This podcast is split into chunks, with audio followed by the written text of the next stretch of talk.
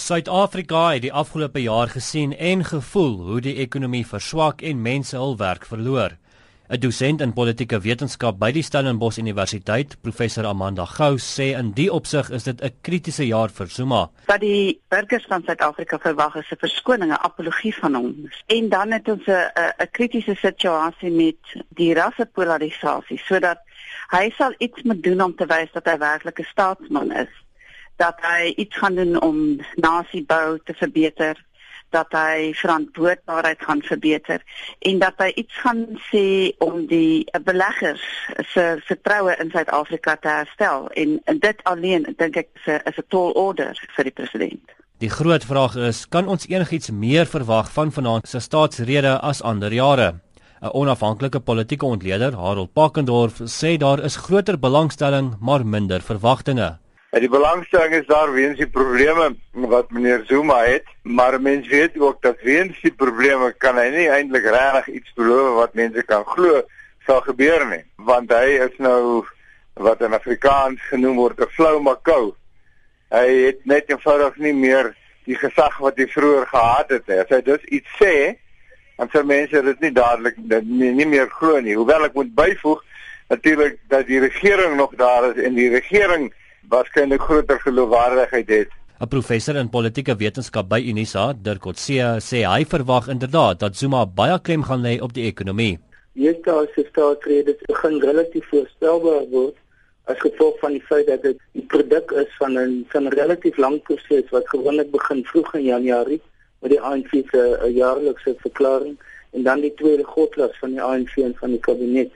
So daar kan 'n mens aflei wat in die pipeline is dit wat ek dink wat ter sprake is en dit het ook te maak met die ontmoetings met die besigheidsleiers die afgelope tyd is dat in eerste instansie president Zuma gaan probeer om vertroue weer in die Suid-Afrikaanse ekonomie te probeer skep. Pakendorf deel die sentiment. Hy gaan hy sekerlik praat oor misdaad, hy gaan praat oor korrupsie, hy gaan praat oor onderwys, hy gaan praat oor uh, werkskepping en, en ek, ek praat oor die ekonomie want hy het mos nou met die sakeleiers gepraat en wat hy daar gaan sê gaan van sleutelbelang wees.